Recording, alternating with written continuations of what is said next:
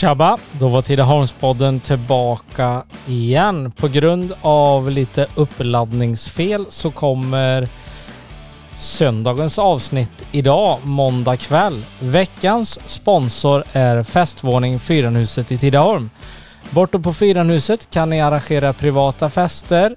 Ni kan även köra klassfester eller föreningsfester med mera. De har även smörgåstårtor som är riktigt goda och eh, fullt utbud på catering. Den eh, 28 januari är det stor fest på Fyranhuset. Då kommer Elov och Benny till Fyranhuset. Biljetter hittar ni på Tixter. Gå gärna in och följ Fyranhuset på Facebook eller Instagram så hittar ni mer information. Så, då var Tidaholmspodden tillbaks igen och med mig i soffan ikväll har jag Anders Kula Johansson. Välkommen till programmet. Tack så mycket. Hur är läget? Eh, Jul och nyår har varit. Snön håller på att regna bort ikväll när vi sitter och spelar in. Vad, hur har det varit? Jo men det har varit bra. Uh, varit en lugn och sansad jul och nyår. Ja, gillar du snön då eller är du mer sommarkille? Jag är definitivt mer sommarkille men jag har ju små ungar så att eh, när snön kommer så det är väl fine. Man kan vara ute och leka lite men ska det skifta väder var tredje minut så är det ju lite stressande. Det blir mest blött. Ja. Vad, vi studsar tillbaka Kula till uppväxt och lite skoltid. Vart är du född och uppvuxen? Jag är urtidaholmare. Ja, bott var någonstans i Tidaholm? Jag växte upp eh, borta vid typ Farsbysrondellen, Tårpilen, Västra Drottningvägen. Ja. Och sen när jag flyttade hemifrån så köpte jag ett hus borta på Kärrtorpsvägen. Vid Ragnars kiosk som gamla Tidaholmare begriper lite någon på. Ja, vad om vi tar skoltiden och håller oss upp till årskurs sex först då. Hur var du i skolan? Tyckte du det var skoj att gå till skolan och sånt? Ja, det tyckte jag. Fram de första sex år, eller ja, upp till årskurs sex. Ja, extremt lätt för mig i skolan. Vad ämne då? Vad var kul? Eller var allt kul? Ja, jag tyckte nog det mesta var roligt när jag gick i skolan. Den första, ja men upp till sexan så var det mesta kul liksom. Men eh, jag har alltid varit, jag är lat i grunden så att det blir tråkigare och tråkigare med åren. När man var tvungen att lägga lite energi på det. Ja, sporter då? Började du med någon sport eh, tidigt här när du går, gick du på Kungsbro förresten eller? Jag gick på Kungsbro. Vad idrotter då, då utöver idrotten i skolan? Vad Testa, fanns det mycket sporter att testa på här eller? Ja, fast det gjorde det nog. Ehm, jag testade på friidrott tidigt, typ 6-7 års åldern. Och det höll jag på till och från med ända upp till nästan, om man säger, gymnasieåldern liksom. Jag hade det som komplement till att jag spelade fotboll och hockey. Hur länge höll fotbollen och, eller fotbollen kommer vi in på senare, det vet alla som lyssnar att det höll på länge, men hockeyn då, hur länge höll den på? Jag började spela hockey när jag var, jag menar, jag var väl kanske 6-7. Och jag liksom åkte på insidan på lädret så farsan sa till mig att det är fan bättre att ställa dig i mål. Så jag stod i mål i hockey från jag var 7 till 15-16 till tv-pucksuttagningarna där var jag med. Men sen så kom jag med TV-pucken och så kom jag med i Västgötalaget i fotboll samtidigt. Fick du välja då? Eller gick det ens Nej, jag, jag hade sån jävla tur så att vi var i Jönköping 88 måste det ha varit. Då spelade jag i Västgötalaget i fotboll och Västgötalaget i hockey samtidigt samma helg och bodde på ett hotell mitt emellan arenorna där. Det var ju, tipshallen var byggd då. Ja, okej, okay, ja. Så jag vet att när jag åkte hemifrån, farsan hämtade mig i Jönköping och vi åkte hem, då sa jag att nu, jag måste sluta med hockey, det här funkar inte, det liksom går inte att kombinera längre. Så då slutade jag spela hockey efter det året, 88-89 tror jag. Ja, men då är du typ 15-16. Ja, precis. Vad, om vi tar eh, sjuan till nian då, du sa det var lätt i skolan, rulla på bra årskurs 1 och årskurs 6 när du kommer sjuan till nian, då är det centralskolan som gäller. Jajamän. Hur eh, mycket energi lägger du på skolan här nu eller är det bara fotboll och ishockey? Ja, det, var, det var extremt lite koll på skolan liksom. Jag skulle, ju- jag skulle bli fotbollstränare, det var ju liksom vad jag tänkte mig med livet. Så Ja. då, ja, det var brudar och sport som Ja, gällde okej. på den tiden. Så att det, jag halkade med väst igenom sjuan till nian. Fast jag tyckte det var kul att gå till skolan, mina polare var ju där och så, så det var ju mycket så. Ja. Men man var, det var ett extremt dåligt enga- engagemang i skolan får jag säga. Vad fotbollen är nu då när vi är uppe i 15-årsåldern, är det IFK som har gällt hela tiden eller var du i Fröjered som ung eller är det IFK som gällde Nej, från nej, nej. Jag, jag är uppvuxen 200 meter från Tidavallen. Även fast min farsa är urgiffare så eh, blev det ju IFK från första början. Eh, mina kompisar började ju spela fotboll kanske när de var sex tror jag. Och jag, jag spelade mycket fotboll hemma med min pappa men sen började jag väl året efter. Och jag vet att vi åkte ut till Ranstaverken utanför Stenstorp och så spelade en, min första fotbollsmatch när jag hade tränat någon gång. Och då mötte vi IFK Falköping och vi vann med 7-0. Jag, jag tror jag sparkade in sju. Och då Aha, insåg ja. jag att det här tycker jag är roligt. Det ska nog fortsätta med. Så att, eh, sen höll jag på IFK. Vad eh, minnen då om vi kollar eh, perioden från du startar eh, borta på Tidavallen upp till du är 15 där är ni vid innecuper, Blåvitt cup var stort kan jag gissa. Var ni spelar skador vid sådana kupper eller? Skadevi, s- jag vet inte om den fanns. Jag tror aldrig Nej. jag spelat Skadevi, men vi, vi alltså IF Tidaholm hade ju bra lag 72, 73, 74 som vi ofta samlade ihop de lagarna. Och, så vi hade enorm framgång. Så jag vann ju serien med IFKs lag från jag var 7 till jag var 16 varenda år. Ja, Så vi men hade- hur, hur, om man tar GIF på den tiden då, hade, de hade ju givetvis lag antar jag. Mm. Men var det att de bästa var på Tidavallen? Ja, det var väl så. Eller att Det- det var bra årskullar? Ja, så. det var, det var en extremt bra årskull. Och jag menar, det var ju flera i GIF sen som var i samma årskull som blev riktigt bra. Det är ju Magnus Ring och de här som, som blev duktiga fotbollsspelare. Men vi, och Fredrik Persson, Alrik heter han idag. Ja, Eh, de var ju, alltså, vi var ju fullständigt överlägsna mot dem. Den årskullen jag spelade i. ja. Så att eh, IFK var ju det bästa laget. För det var en liten kull. Vi var ju en 6, 7, 8 killar i våran ålder. Vad om vi tar tränarmässigt här, om vi bara håller oss kvar upp till 15-16 års åldern där då. Vad var det för tränare som du hade borta på vallen då, då som du kan komma ihåg än idag som gav bra intryck? Och, Alltså, jag hade min farsa som tränare från jag var sju till jag var 16. Ja. Eh, och sen så var ju eh, Robert Johansson, Holst heter han väl idag. Hans pappa Lillis var ju med som lagledare. Så det var ju de två som var tränare för den årskullen jag var. ja, Och, upp till Ja, juniorer. upp till 16-årsåldern för då kom Jan Ekholm in som tränare. Just och det. sen som juniortränare under de åren, nu hoppade jag nästan från ett 15-årslag till seniorlaget IFK. Men då var ju Christer Adamsson var ju juniortränare under rätt många år där. Och de åren jag spelade juniorfotboll, mest DM-matcher och vissa matcher sådär. Så det var ju, då var ju kungen tränare i IFK. Ja. Vad, vad tyckte du om han som tränare ändå? Han var ju många år på Tidavallen, Christer, och var tränare. Vad ser du tillbaka på den tiden då, i juniorlaget där? Var det hårt? Hårda, Alltså, hår- tuffa träningar? Nej men det var väl inte så hårt. Kungen var väl mer, eh, han var ju han var ett litet fotbollsgeni själv från början så här. Han gillade ju de här eh, tekniska spelarna och sen hade vi ju, alltså, om du ser 72orna, Patrik Berg, våran årskull 73, så hade du 74 när det var Gus, Andreas Frey, Andreas Kjellberg. Det var ju bollspelare allihopa och, eh, och många av dem gick ju nästan från 16-årslaget till seniorfotbollen. Så vi, vi spelade ju mest i, i juniorlaget. Jag, alltså, jag, hade, jag gjorde inte många träningar med ett juniorlag under de, från, jag tror jag debuterade i juniorlaget när jag var 14 och spelade till jag var 19.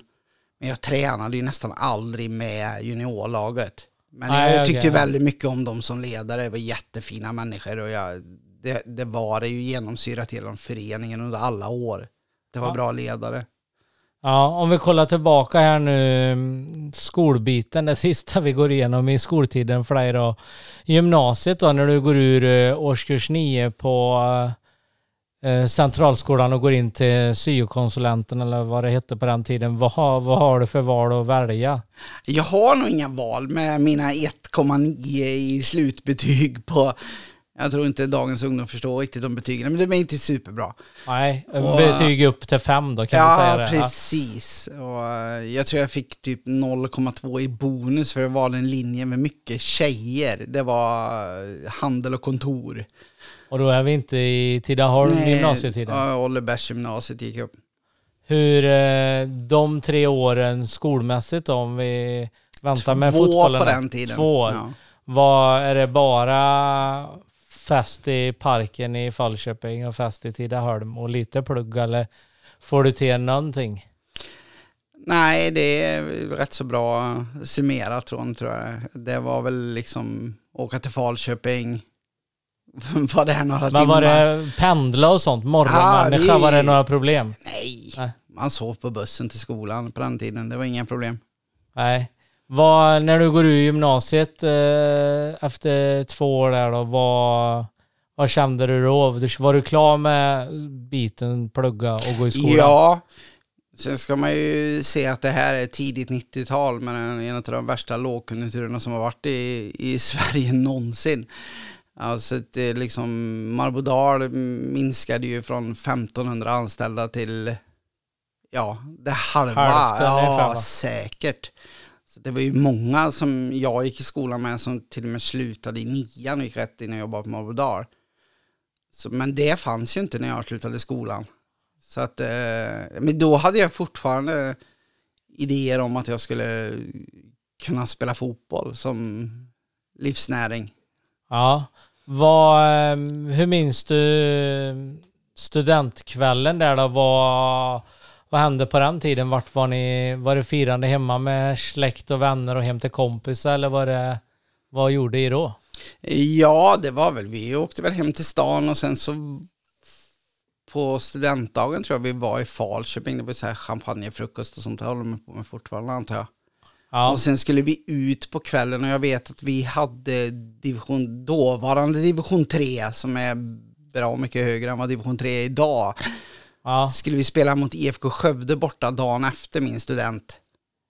ja. Och då var man inte superpigg på morgonen efter. Vi hade haft studentbal tror jag på gamla stadshotellet.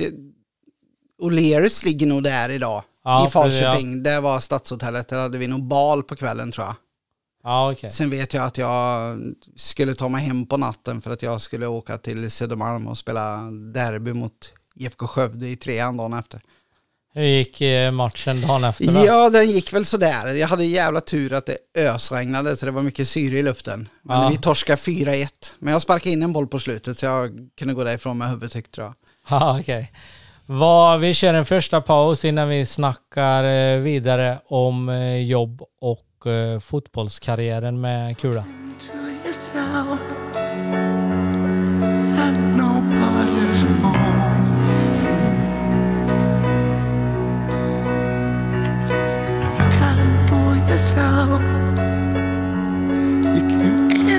one alone.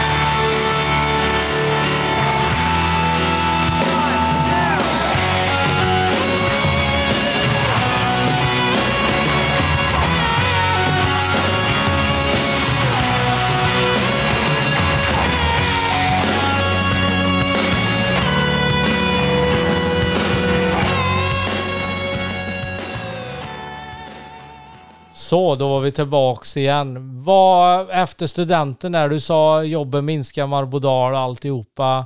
Vad, vad fanns det för jobb kvar till dig då? Alltså det fanns inte mycket. Sista året jag gick på gymnasiet i Falköping då när jag var ja, 17 och 18 där. Då hade vi typ praktik två dagar i veckan i, in i schemat. Så första terminen var jag på Marbodal och cyklade med posten och tjötade med alla fotbollsspelare där. Och sen andra året så var jag på Simons, i gamla Simons affären. Och Sportdelen där? Ja, sportdelen. Och där fick jag ju jobb sen direkt efter gymnasiet. Så då började jag jobba där. Var sportkille alltihopa och gött för att stå i en sportaffär och kränga skor och kläder då? Ja, det var väl kul. Framförallt var det kul när det kom grejer, nya fotbollsskor och sånt där. Det tyckte jag var roligt. Och sen var jag intresserad av alltså, teknik. Så vi, ja, alla fyra affärerna i Simons var ihop då, så man kunde ju vara liksom på Vilken? CD-spelarna och det kom och det här liksom. Så vi höll ju på mycket med och, och hjälpte till på radio och tv-delen också. Det var jävligt roligt. Ja. Vad, hur länge blir du kvar på Simons här då? Ja, minns knappt, men två, tre år skulle jag tro. Ja. Ja, tror det, för jag började ju på anstalten sen eh, 95 tror jag. Vad, då när du börjar på anstalten 95 då, är det poppis då att det är med sommarjobb som läggs ut, att det var den biten du rullade in på, samma som det är än idag, att det läggs ut varje år. Nej, nu söker vi sommarjobbare till anstalten. Ja, så var det. På, på den tiden var det ju kutym att de plockade folk ifrån eh, studentstäder som kom hit och jobbade på anstalten. Det var mycket Lunda-studenter och sånt på den tiden. Men då, eh, det, det var ju alltid ett 20-30-tal ifrån från Tidaholm som sommarjobbade på anstalten. Och jag vet att jag hade skaffat mig 300 nya stämpeldagar, jag hade gått någon utbildning eh, nere på eh, gamla sites där nere. I, Ah, okej, ja. ja. och då, då var man väl lite små, småsugen på att gå och lalla på sommaren där i ungdomens år. Men Ja, då vet jag att jag blev skickad till Arbetsförmedlingen och Christer Klang tvingade in mig på anstalten. Han sa det är bara 12 veckor sa han. ja, och det okej. blev 26 år. Ja, om vi ser tillbaka på åren på anstalten då, om vi tar och snackar igenom ett lite snabbt innan vi går in på fotboll och lite innebandy sen. Men du tar de åren du var på anstalten över, vad sa du, över 25 år. Ja. Vad vi tycker du har ändrat sig? Borde ni anställda och säkerhetsklass och alltihopa kontra hur det såg ut efter 25-26 år där då? Vad, är det stor skillnad? Alltså det är enorm skillnad, men framförallt på klientelet. Det var ju mer eh, så, som de som har, har varit i den där svängen som gråtjuvar på den tiden. Kassaskåpssprängare, bankrånare. Ja, de ju kan det inte finnas stu- kvar nu. Det finns Det- inga nej, pengar. nej, nej, nej, absolut. Det också. Och sen samtidigt så blir det ett annat, det blir ett helt annat klimat. Nu kommer ju de som är födda efter 00 in. Eh, från segregerade områden i Sverige, har aldrig jobbat. Alltså det, det är en helt annan, eh, det är mycket mer hot och våld idag. Det, vad det var ju grovt på den tiden också på 90-talet och även de som jobbade innan det. Men det, det, det har blivit en helt annan, eh, det är ett helt annat system, en helt annan känsla där inne. Det, det, man ska inte säga att folk är eh, lågutvecklade på det sättet, men det blir mycket eh, förortsungar som har börjat med droger väldigt tidigt. Som Ja, inte har, det, alltså det, det är respektlöst rakt igenom. Det, det är tuffare att jobba på anstalten idag än vad det än var. vad det var då. Även fast vi, det var mycket hårt och det var mycket våld. Och, men liksom, det var mycket mer en smäll på käften på den tiden. Idag är det mycket mer hot och så det, det, det, har- det har ändrat sig jättemycket genom åren. Var um, åren... ehm, var du där, vilket år brann anstalten? Det var 94. Hade du börjat då? Nej. Nej. Då köpte jag en glass på Haga så skulle de cykla ner och tittade på detta. Och jag kommer ihåg att Torbjörn Sundelius bland annat hade flyttat hem ifrån Borås och skulle börja jobba på anstalten. Och tänkte jag att "Fy, fattar inte att de idioterna kan jobba där inne. Men jag väntade ett år så Så var du där Så då. var jag också där. Ja, vad men tar ehm, tiden på anstalten eh, sportmässigt då? Det inte eh, jobba med fångarna utan alla aktiviteter ni hittar på det vet jag ju än idag. Karlman och Siljult och de drar ihop bowlinggrejer. På din tid vet jag det var med fotbollsturneringar. Alltså det var ju enormt mycket. Vi, vi fick ju åka på allting. Jag var ju med i allting från pistolskytte till pingis, fotboll, innebandy. Vi var ju väldigt framgångsrika i många år där inne. Det var ju med sportkillar från stan som var med. Ja. Vi hade ju även, alltså jag spelade ju i kriminalvårdens landslag i fotboll. Så att vi liksom varannat år var vi i Norge, Danmark, Finland, något år i Estland och spelade landslagsfotboll då mot kriminalvården från de andra nordiska länder. Det var ju mycket, mycket sport. Var eh, sport eh, inne på anstalten och är det någonting eh, fånga och i som eh, jobbar där kunde utöva tillsammans eller var det någonting som plockades bort efter allt eftersom? Alltså det plockades väl bort av anledning att det inte fungerade, men under, under en lång period, säg från 95 till 2005, så var jag ju på avdelningar där vi kunde liksom spela tennis och innebandy och fotboll med intagna. Sen Ja. fick man ju akta vristerna lite extra när man dribblade med dem där, men liksom det var ju fortfarande så att vi kunde utöva idrott tillsammans och vi tränade även tillsammans under rätt många år. Ja.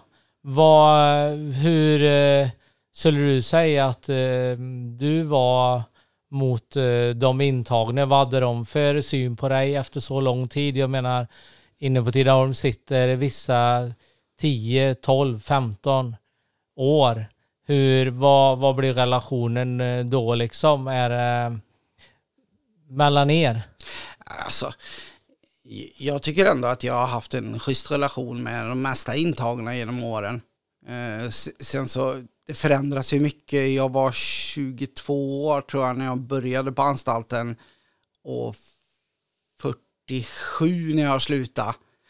Fanns Och- det någon som, under, som var kvar under hela tiden? Du behöver inte Alltså, nämna någon. Men, var kvar och var kvar, men det fanns ju många som kom och gick. ja. Och man fick ju en annan respekt hur äldre du blev. Det, det, jag menar, när jag, de sista åren jag jobbade på anstalten, då var jag ju äldre än 75-80% av de intagna. Ja, okej. Och då, då får du ju en annan respekt. Och de får, jag menar, jag hade ju jobbat längre än de mesta utav dem hade levt nästan. Ja. Och då får du ju en annan relation. Och sen, du kommer in i en, eh, som en långhårig permanentad snorunge när du är 22 och slutar när du är 47 som en, som en, som en förälder. Du förändras ju mycket själv under de här åren. Som gör att du får, eh, får ett annat förhållningssätt till intagna. Men eh, jobbet då att gå in som de som sitter och lyssnar på podden nu om de tänker vi ska söka sommarjobb. De är 20 år killar, tjejer i både Tidaholm och runt om i Skaraborg. Alltså jobbet, är det tuffare eller är det ett lärorikt jobb som kanske du skulle ändå kunna rekommendera till de som lyssnar ändå och pröva på för du lär dig mycket om andra. Alltså det är ju livserfarenhet och du träffar ju människor med variabla, eller variabla funktionsnedsättningar. Du träffar människor som har begått otroligt hemska brott. Och du, du lär dig ju saker och skilja på brott och en människa och det, det, det är ju enormt lärorikt. Sen så eh, är det ett tufft jobb. Det är tuffa arbetstider, det är svårt att kombinera med en familj. Det, Ändå har arbetstider ändrats genom åren det har jobbat. de ju, men det är ju fortfarande så att du, jag var ju med på den tiden jag jobbade 7 till 20. Men det är ju ofta så att du jobbar till 19 på kvällarna, du jobbar varannan helg. Ja. Så att det, det är ju svårt att, att kombinera med liksom ett idrottsutövande. Idag är det ju svårare att byta. Så- Som jag menar, jag höll ju på med idrott i 20 år när jag var på anstalten. Och ja. jag menar, jag har ju kommit till fotbollsmatcher tre minuter innan de börjar och tagit en hallonsoda, knutit skorna, gått ut och spelat match. Ja, Men nej. liksom det är ju, idag är det ju det är svårt att kombinera det med, med en fritidsaktivitet. Det är svårt att kombinera med en film, med en familj liksom. Det är, det det är ett tufft jobb. Ja. Men ändå en bra erfarenhet för dem som kanske ska läsa vidare inom Ja, olika grejer. Ja, om det det sen är kommun eller om det är att jobba med handikappade eller vad. Absolut, och, och en förståelse för andra människor och förståelse för en människa bakom ett brott. Och liksom, många har ju åsikter om det här med, med kriminella och kasta bort nyckeln, ge dem vatten och bröd. Men liksom, vi har ett system i Sverige där eh, de döms till, till ett straff på som du sa 10, 12, 15 år livstid som då kan generera en 20-25 år på anstalt. Men de ska ju ut i samhället igen. Ja, Och då är det ju viktigt liksom hur vi hanterar, hur vi behandlar människor. Och, så du kan ju inte trycka ner en människa hur mycket som helst och, och, och ge dem sämsta förutsättningar inne på en anstalt. För de ska ju ut i samhället igen. ja, så att eh, en förståelse för andra människor, en ödmjukhet till andra människor och deras livsöden, det, det är ju en jätteerfarenhet. Sen skulle jag ingen rekommendera någon att gå där in i 30 år och jobba. Men jag tror fortfarande att det är, det är en erfarenhet för livet och, och se hur det ser ut på andra sidan. ja. Vad, om vi kör vidare på sporten då, Kula. Vi var ju på fotbollen och alltihopa. Den biten, det var IFK som gällde hela vägen där. När, eh, när kommer innebandyn in då? Innebandyn kom väl in där i ja, 93 tror jag att jag började om jag jag är inte helt hundra men jag tror att det var 93 då hade innebandyn hållit på i, i ett par år med med Bröderna Blom och Bröderna Frid och som drog igång det här och, och Fröjre tog upp det i sin verksamhet. Ja. Vad, vad var grejen med innebandyn då? Tyckte du det var skoj för du hade lirat hockey som yngre eller var det kompisgänget att det var ett bra gäng som drog igång där i Fröjre från början så, jag är en tävlingsmänniska i grunden, så det, det var ju roligt och ja, men, en ny sport och någonting med, så jag är uppväxt med den här generationen, så vi spelade landhockey hela vintrarna och med boll och klubba och sprang ute. Så jag tänkte, det här skulle man kanske kunna vara bra på, så det började vi att prova. Så det, det var ju mer att man testade från början. Men sen så var det ju det att den generationen killar i stan här var ju otroligt bra bollspelare och det var många av dem som jag aldrig har spelat fotboll med. Men jag visste ju att de höll till i Ekedalen och Fröjered och IFK och GIF och så att vi samlades ju en grupp killar där som eh, som var du, du, duktiga idrottskillar. Ja. Så vi märkte ju rätt snart att det här kan vi ju faktiskt bli rätt så bra på. Vad, vilka var det som var med här då? Alltså det var ju, alltså, vi var ju, vi hade ju två lag, vi var ju 30 man, men liksom i, i den gruppen som jag spelade i, i Fröjdes A-lag innebandy, det var ju bröderna Nossler, Henke Fogelberg, Patrik Löborg, Patrik Berg, Didi Moskos, Sebastian Forseland, Jocke Andersson stod i mål, Patrik Berg, Tommy Fredriksson, Ja, jag kan nämna många mer, men det var ju, det var ju den Det var de gruppen bästa. tidiga 70 70-talister om man säger så. Ja. Vad, vem var tränare här då? Det var ju, Patrik tog ju det, Patrik Löfborg tog ju det från början. Det var väl egentligen, jag vet inte om han ville det eller hur det var egentligen, utan han var engagerad sig mycket i innebandyn och var tränare. Så vi var ju ett gäng snorungar som åkte omkring i en buss. Jag menar, John Ider var med och spelade, han körde bussen och han var väl inte mer än strax över 20 då heller liksom. Men vi var ett gäng grabbar som åkte omkring och spelade matcher och inser att det här är vi rätt bra på. Så vi hade ett jättegäng, det var ju helt fantastiska år. Jag tror att många av de grabbarna som var med skriver under på att det var så jäkla roliga år de åren. Hur, hur bra gick det för er? I, vad snackar vi för divisioner och vad var seriesystemet? Jag, jag tror vi spelade i någonting som var liknande division 3, division 4 när jag började. Men sen så började vi ju snabbt. Eh, jag vet vi vann division 3. Sen gick vi upp i division 2 då. Och då fanns det ju inget så här mellanting som allsvenskan. Det var division 3, division 2, division 1 och elitserien. Och Ja, sen gick vi upp i division 2 som nykomlingar, sprang rätt igenom den serien och vann den och gick upp i division 1.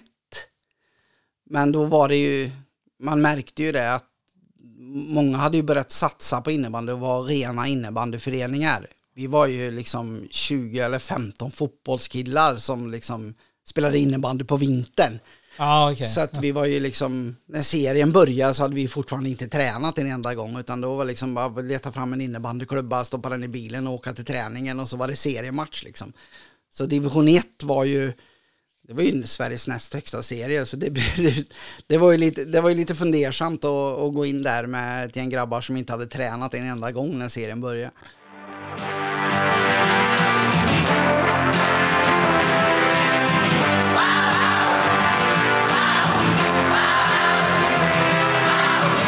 I never was a lonely drifter, slow brain shit. I live for the money now.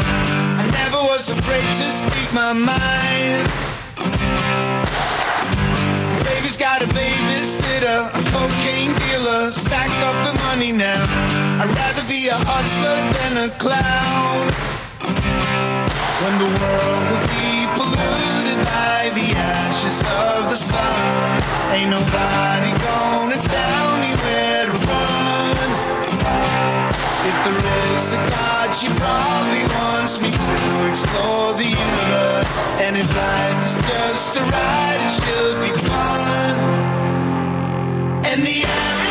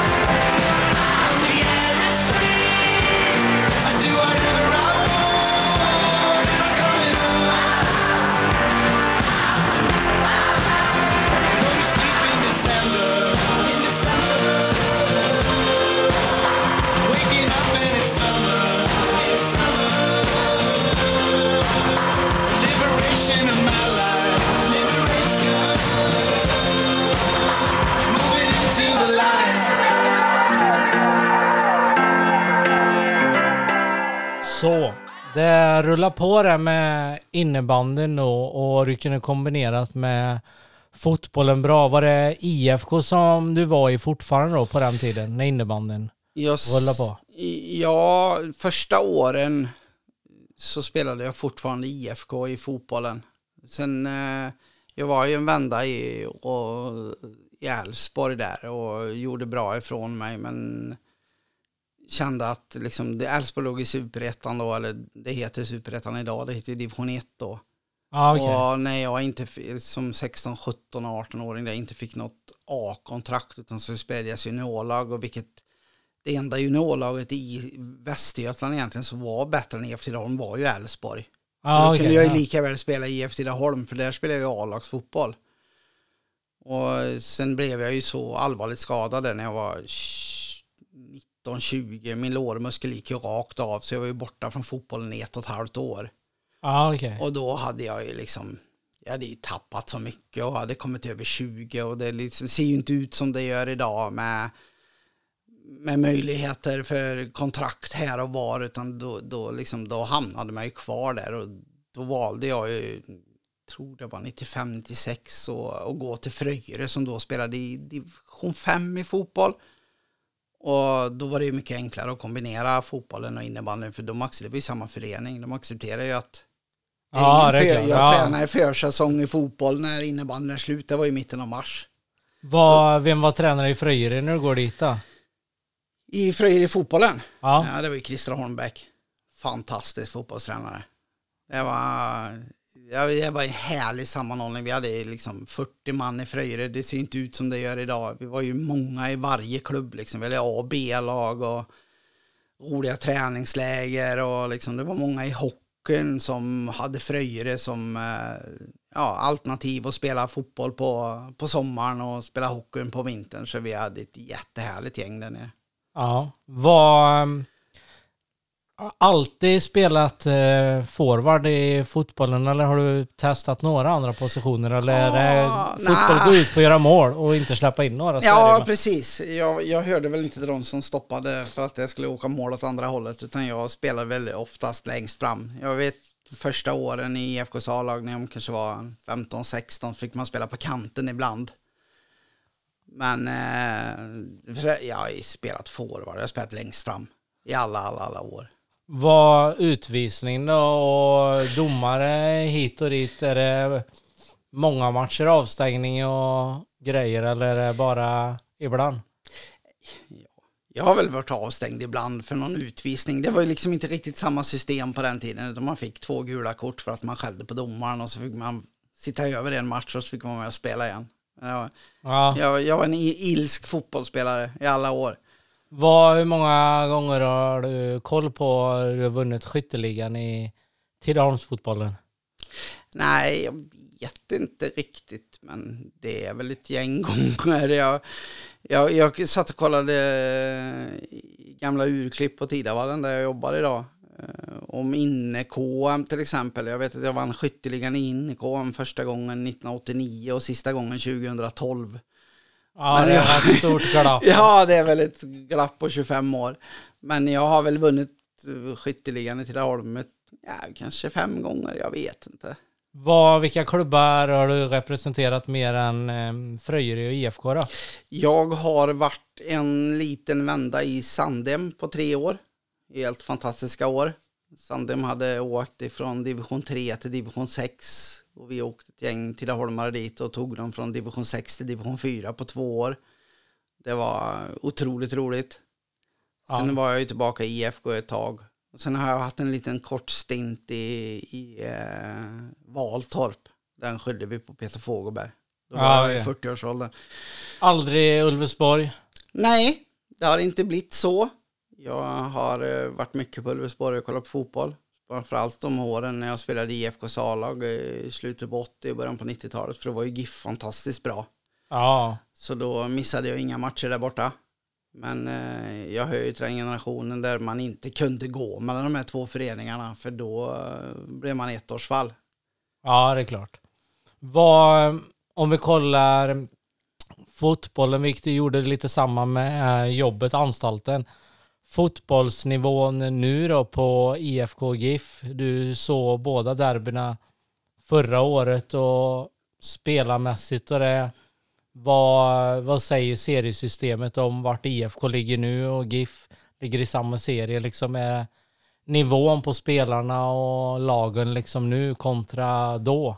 Kommer det komma upp i den nivån som GIF och IFK har legat i någon gång? Jag Eller kommer det ta lång tid? Nej, jag tror jag är tveksam till det. Det kan säkert komma en ny generation ungdomar, men det ser ju inte likadant ut som det gjorde förr. Barnen spelar ju inte fotboll sju, tim eller sju dagar i veckan, tio timmar om dagen, utan de är några gånger och tränar i veckan och det går ju inte att jämföra. Jag menar, division 3 idag är ju inte ens så bra som division 4 var för 25 år sedan. Nej, Så nej, ser ju så seriesystemet ut. Jag menar, det, det har ju till och med tillkommit 12 division 2-serier i Sverige med 12 eller 14 lag i varje. Då kan du ju gångra ihop det. Det är ju en 300 lag som är, 250 lag som är satta emellan som inte ens fanns innan. Division 3 var ju direkt under, ja men det var ju två serier över i hela Sverige. Idag Ja. finns det ju Allsvenskan, Superettan, Division 1, Division 2, sen är Division 3 den fjärde serien. Ja, Så det går ju inte att jämföra och det kommer inte se ut så som det gjorde. Vi hade sex lag i Tidaholms kommun på 80 och 90-talet. Där Ja. det fanns bra fotbollsspelare i alla som bestämde liksom, ja, jag vill inte träna så mycket. Då spelar jag i Hoven, Folkabo, Fröjre, Ekedalen. Ja, I, idag, det är väl en tidsfråga innan vi kanske har fyra lag i kommunen. Så Ja. det, det, det, går inte att jämföra.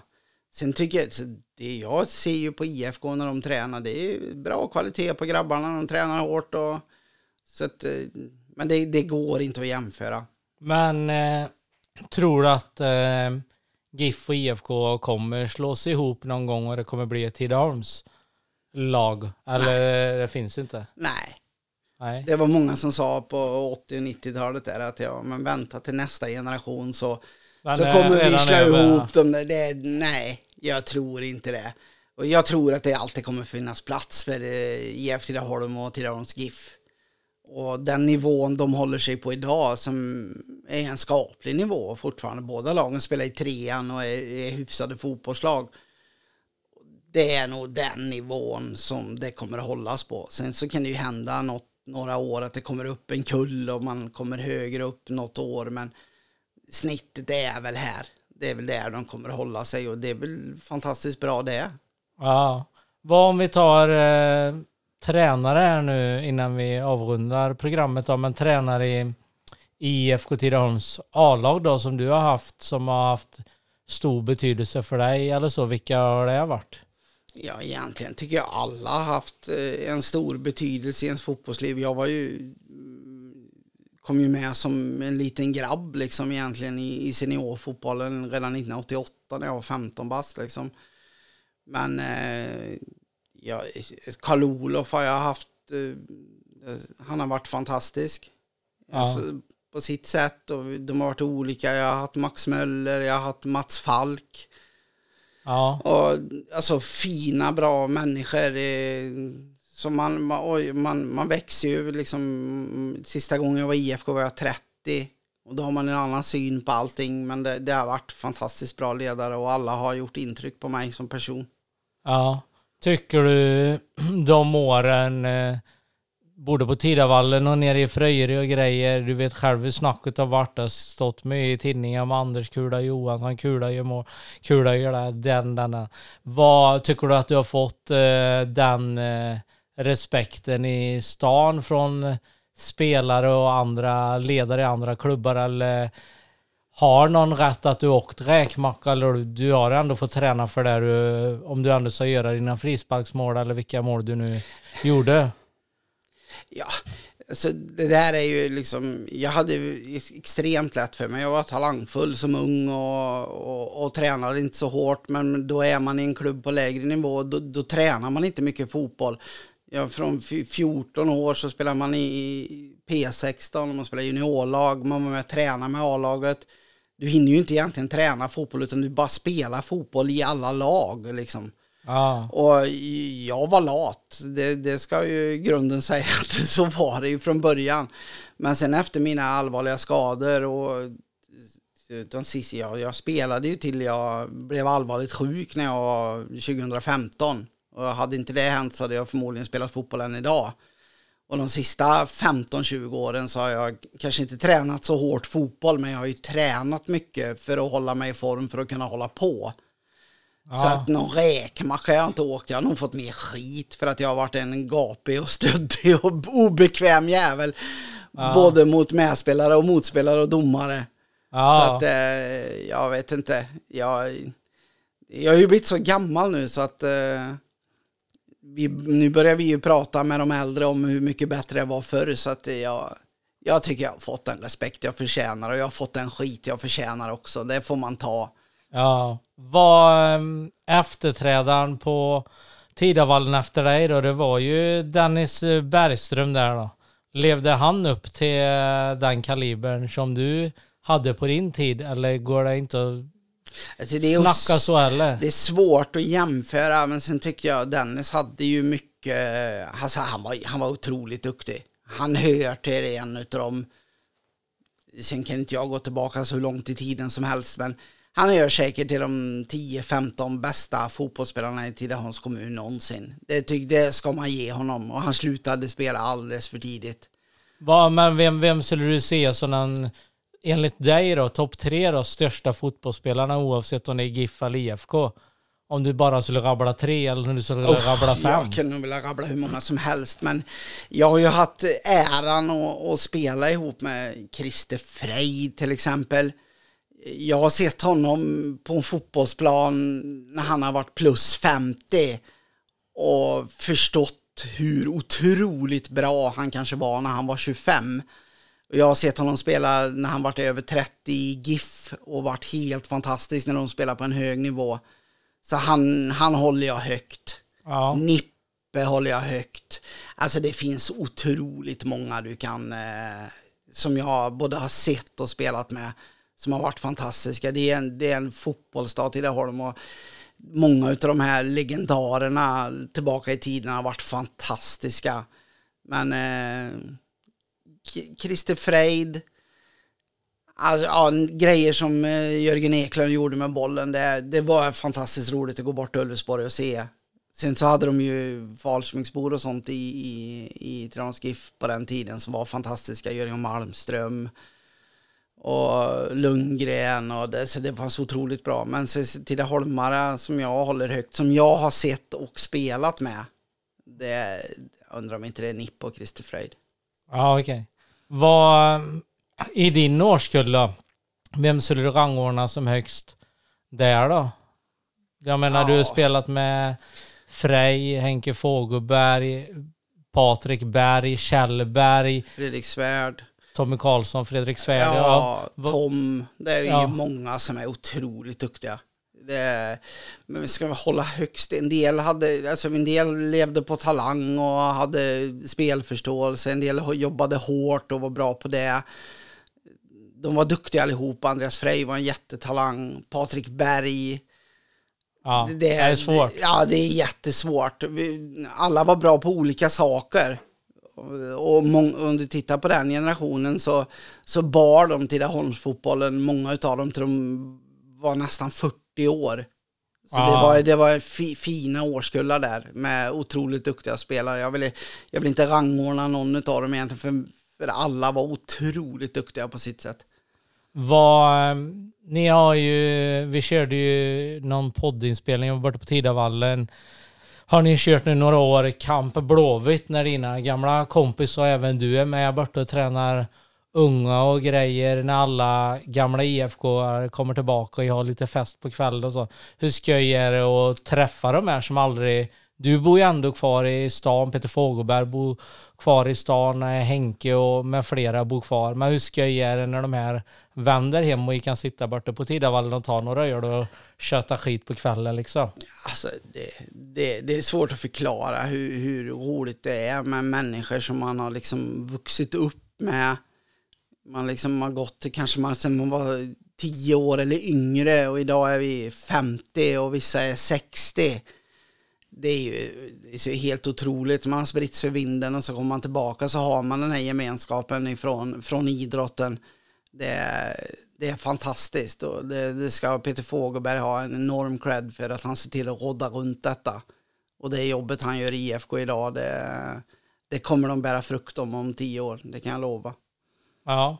Vad, du sa stort tack eh, Kula för du ställde upp i intervjun och så får vi se hur det går i Tidaholmsfotbollen om vi får se ett gemensamt lag framöver som klättrar i seriesystemet eller eh, om IFK är bättre än GIF kommande säsong nu eller om det är GIF som är vassast detta året. Vad tror du om den fighten? Ja, jag ser IFK har gjort ett bra fönster igen nu. Det är ju mycket det här eh, när det är de här transferfönsterna med, med övergångar och IFK har gjort en hel del bra. Så att eh, undrar om inte jag tror att IFK är kanske snäppet vassare i år igen, men sen kan man ju se tillbaka på min ungdomstid och alla år jag spelade seniorfotboll som jag inte har spelat ett enda derby mot Tidaholms GIF där de var högre än oss i alla, alla år. Så det kommer nog gå i omgångar i cykler. Nu har IFK varit bättre än GIF i en cykel och innan det så var GIF bättre än IFK i säkert 20-25 år. Så det kommer nog komma och gå, men IFK blir nog vassast i år tror jag. Yes. Men stort tack för att du ställde upp i intervjun. Tack själv. Det var allt för denna veckan. Veckans sponsor är Fyranhuset i Tidaholm.